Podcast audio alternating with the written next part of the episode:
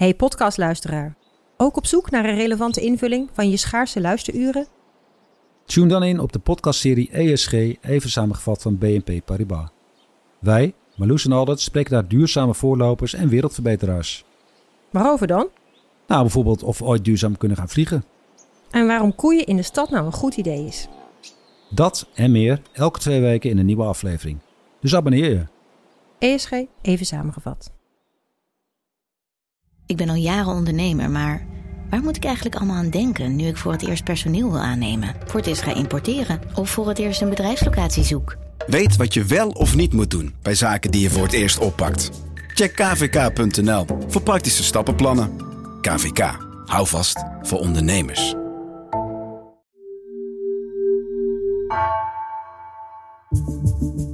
Vanaf de redactie van NRC het verhaal van vandaag. Mijn naam is Egbert Kalsen.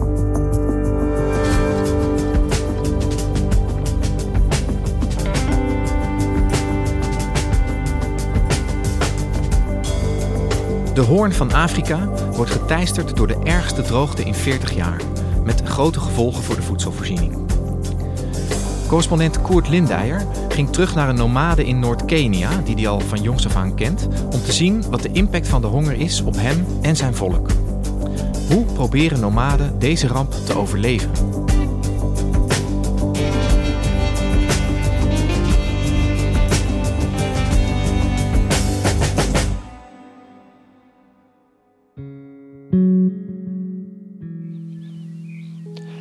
Ik reisde vorige week in één dag van Nairobi, mijn woonplaats uh, in de Keniaanse hooglanden, reisde ik naar de vlaktes van Noord-Kenia. Dat deed ik in mijn terreinwagen over geribbelde wegen, daarna over zandpaadjes en vervolgens door droge rivierbendingen om in de streek Nukupuruti te komen.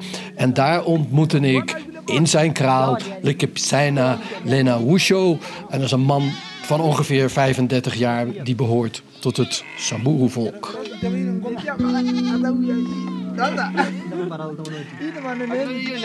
Al vanaf zijn vijfde jaar wilde Likipsena niets liever dan een herder zijn. Op de savanne met je koeien in de groene wereld van geluk met gas. Uh, dat de beesten vet maakt. En met koeien waarmee je communiceert.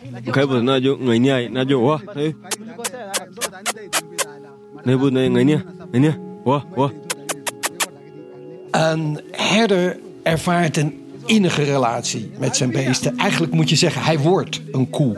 En zo'n koe kan je dus boe vertellen. Dat betekent dat hij gelukkig en tevreden is. Boe. Als hij bé zegt, dan heeft hij gebrek aan gas of aan zout en voelt hij zich niet lekker. Dat is dus de communicatie die hij heeft met zijn koeien.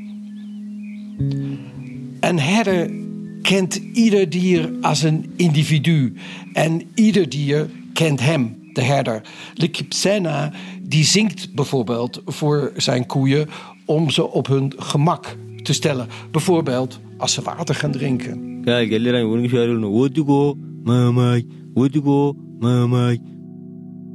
Of je ooit eenzaam bent, vroeg ik hem. En dat vond hij toch zo'n belachelijke vraag. Immers, je bent helemaal niet alleen. Je bent met je koeien.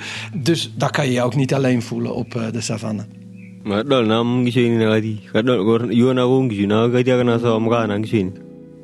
Ik kom al ongeveer 40 jaar in dat gedeelte van Kenia. En ik ken deze jongen vanaf dat hij vijf uh, jaar is. En ik heb hem dus met zijn koeien samen zien, uh, zien opgroeien. Likipsena was de taaiste van de taaiste. Iemand die eigenlijk nooit een nederlaag zou accepteren in uh, zijn leven en op zijn lange trektochten. En toch heeft hij het nomade bestaan, het leven van altijd op stap met je koeien, dat bestaan heeft hij vaarwel gezegd. Koert, jij bent onze correspondent in Afrika en jij, jij, kende deze herder al langer. Kan jij eens schetsen, Koert, wat heeft deze Lekip Senna uh, zien veranderen? Uh, wat is er voor hem de afgelopen 30 jaar sinds jij hem voor het eerst hebt ontmoet veranderd? Nou, iedere nomade met wie je zal spreken uh, zal onmiddellijk zeggen: natuurlijk, we kennen droog. Dat is het probleem niet. We weten hoe we moeten leiden. Maar die droogtes die worden steeds frequenter door klimaatsverandering. Iedere nomade ziet dat steeds die droogtes dichter op elkaar uh, komen te liggen. De laatste keer uh, dat het een beetje regende in zijn geboortestreek was twee jaar geleden. Er was een buitje en dat water stroomt weg. Dat, dat levert geen eens gas op. Het landschap in Noord-Kenia en vele andere delen van Afrika. Dat landschap dat raakt uitgeput.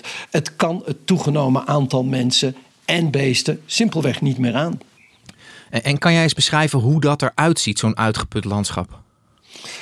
Je ziet geen beesten, dus je ziet ook geen mensen meer. Ik heb zelfs geen olifanten dit keer gezien. Terwijl olifanten die ruiken waar water is, weet je wel. Die kunnen op 50 kilometer afstand weten in welke richting ze moet trekken. Omdat 50 kilometer verderop het geregend heeft. Maar ook die zijn er niet meer, want het heeft simpelweg niet meer geregend. Er zit geen enkele kleur meer in het landschap.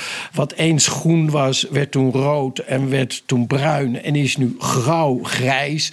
Ik zag één uh, woestijnroos. Dat is een, een soort korte boom van een meter. En daar, zowaar, zat nog wat kleur uh, in. Maar dit zijn de bomen die dan op het laatste moment toch nog wat water uh, hebben op, opgeslagen. Verder is alles, alles droog. Ja, en, en uh, Lekip Sena en, en zijn volk, hè, het Samburu-volk, hoe gaan die om met die frequentere droogtes? Wat, wat doen zij?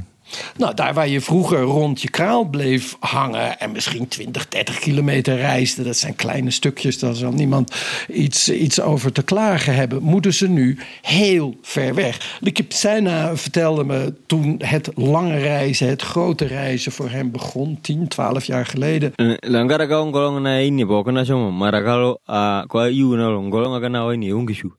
Toen trok hij voor het eerst naar de Ethiopische grens. Een paar jaar later moest hij westwaarts naar Baringo. Naar vele uithoeken van het land is die uit geweest. Je eet soms vier dagen niet, vertelde Lieke Pissijn me. Uh, dan begint alles in je lichaam te kraken. Uh, je trilt op je benen, je, je ogen zakken diep in je oogkassen weg. Je slaapt buiten. er is geen enkele luxe, er is geen matras, er is geen, geen, geen kussen om maar iets uh, te noemen. Je slaapt op de kale grond, slechts omwikkeld met het dunne lendendoek. En je hoofd, dat laat je rusten op een, op een nekstoeltje of op een steen. Hard leven. Ja, dat, dat klinkt als echt barre omstandigheden waar, waar en, en ook andere nomadenvolken ja, mee geconfronteerd worden, zou je kunnen zeggen. Hè, door die droogte. Steeds weer op zoek naar nieuwe gebieden om te zorgen dat dat vee nog wat, wat te eten krijgt. Eh, en die trektochten die worden dus ook steeds langer, begrijp ik.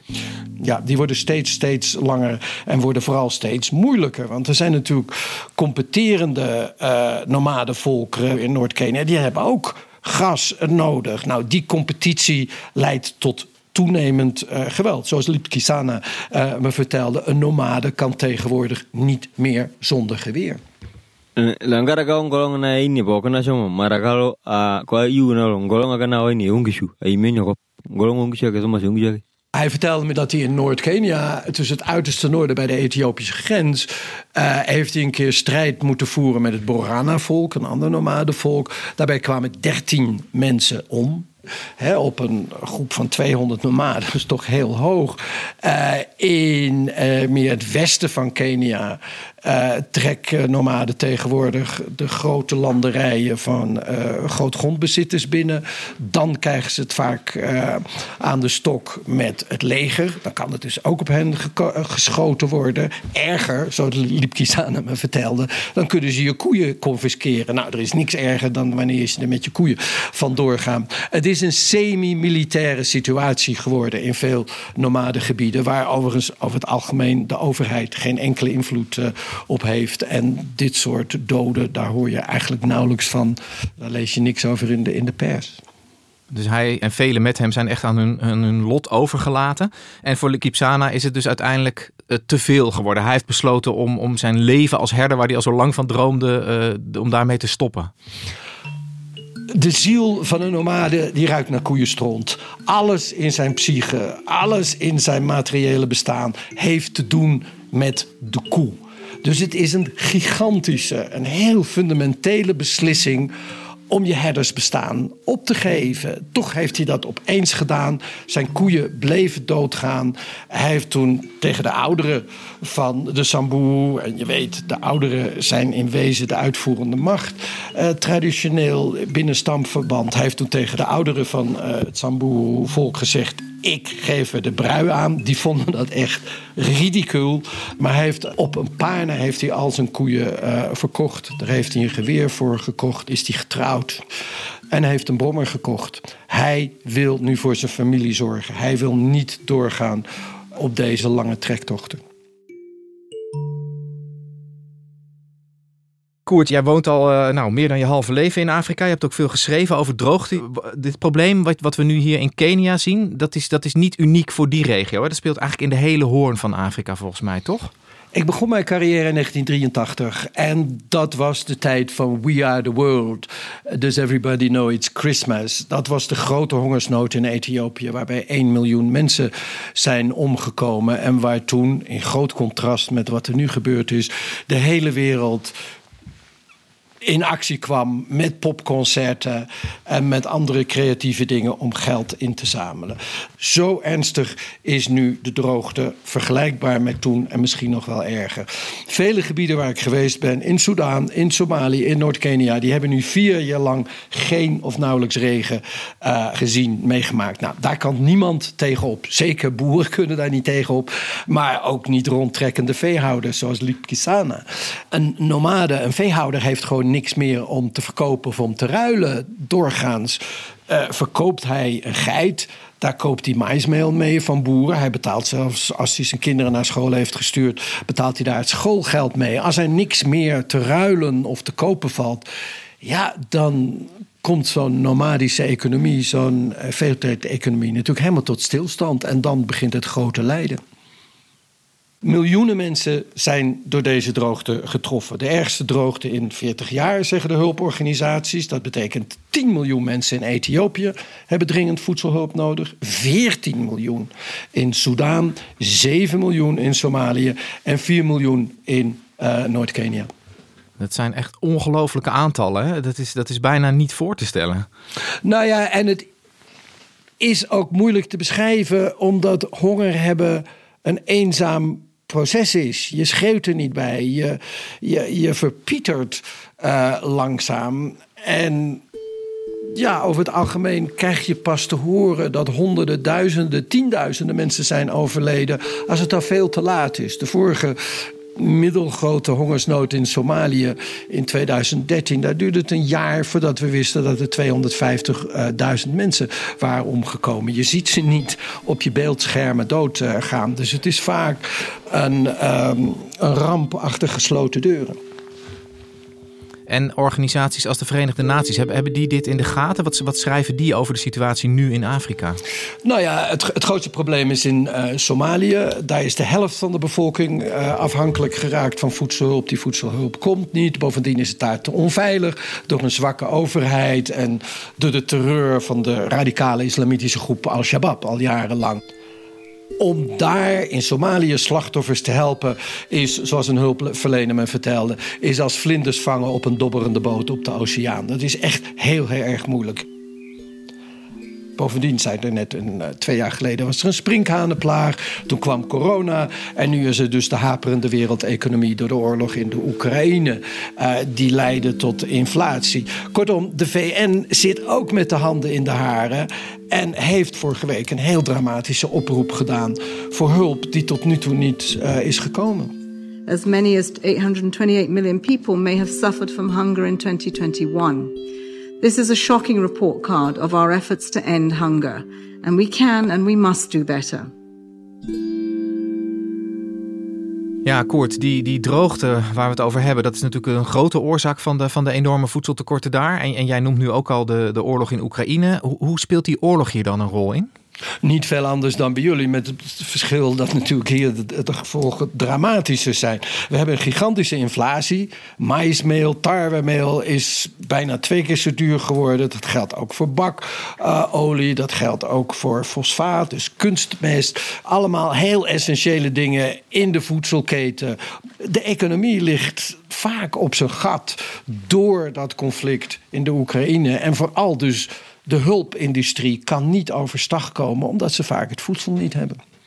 Ja, dus, dus dan heb je je eigen land waar je geen voedsel meer vanaf kan halen door de klimaatverandering en de droogte. Plus nog eens een keer dat alles wat je dan moet kopen gigantisch duur is geworden. Dat, ja, dat, dat kan alleen maar misgaan, lijkt het. Nou ja, dat noemen ze bij de VN dus de perfect storm. Dat is alle ellende die op een gegeven moment samenkomt en dat een, tot een gigantische uh, ramp uh, dreigt uh, te ontaarden. Ja. ja. En jij vertelde dat toen jij begon 40 jaar geleden, uh, ook in de westerse wereld, er heel veel aandacht was voor de hongerproblemen destijds in Afrika. Hoe is dat nu? Wat, wat zijn de verwachtingen wat dat betreft over hulp en, en, ja, misschien ook wel regen en uh, toch weer kansen op, op dat er wel wat gaat groeien daar? Hoop? Vraagteken. Antwoord nee. Er is geen hoop. Het toegezegde aantal voedselhulp is zwaar beneden de maat. Neem een hongersnood, een kleine hongersnood als in 2013 in Somalië. Daar kwamen toen 250.000 mensen uh, bij om. Bij die ramp was al vrij snel iets van 80% van de voedselhulp toegezegd. Alleen door de onveiligheid in Somalië was het moeilijk om die te verspreiden. Dit keer is nog niet een derde van de benodigde voedselhulp toegezegd. En de ramp voltrekt zich al. Het is een uiterst somber vooruitzicht. En ook al gaat het binnenkort regenen, weet je wel, dat zal het verschil niet uitmaken. Het heeft al zoveel impact gehad. Zoals op Kisana, die zijn hele bestaan heeft opgegeven. Uh, mensen die hun hele kudde zijn kwijtgeraakt. Dat bouw je niet één, twee, in één of twee jaar weer op. Dus de ramp is al begonnen. In Somalië gaan al mensen uh, dood. Ook in Kenia gaan mensen dood. Miljoenen stuks vee zijn al overleden. De ramp voltrekt zich in alle uithoeken van de horen van Afrika en verspreidt zich zelfs naar delen van West-Afrika.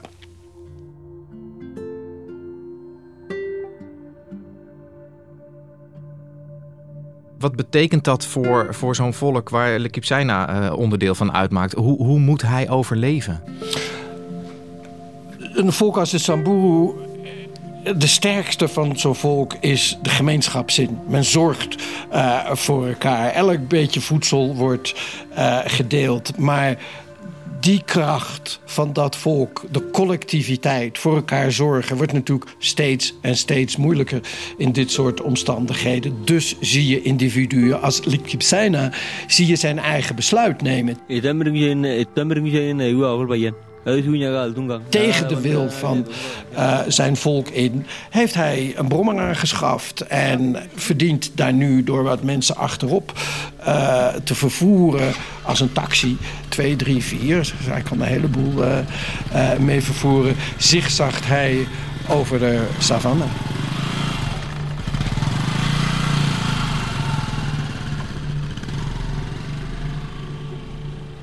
Iedereen trekt zijn eigen kant uit. Mensen gaan naar de stad om wat bij te verdienen.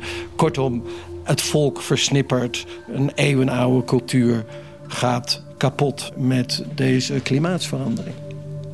Daar wil ik over schrijven, daar moet ik over schrijven. Die crisis door klimaatsverandering die is veel ingrijpender uh, dan alleen maar leed. Miljoenen mensen moeten hun hele leven omgooien. Hun eeuwenoude kennis is niet meer toepasbaar in deze wereld. Alles moet om. Het tijdperk van de koe in schrale gebieden, zoals in Noord-Kenia, maar in heel veel gebieden van Afrika, het tijdperk van de koe is voorbij.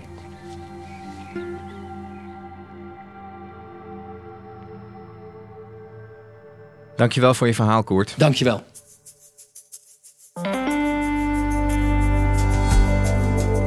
Je luisterde naar vandaag, een podcast van NRC.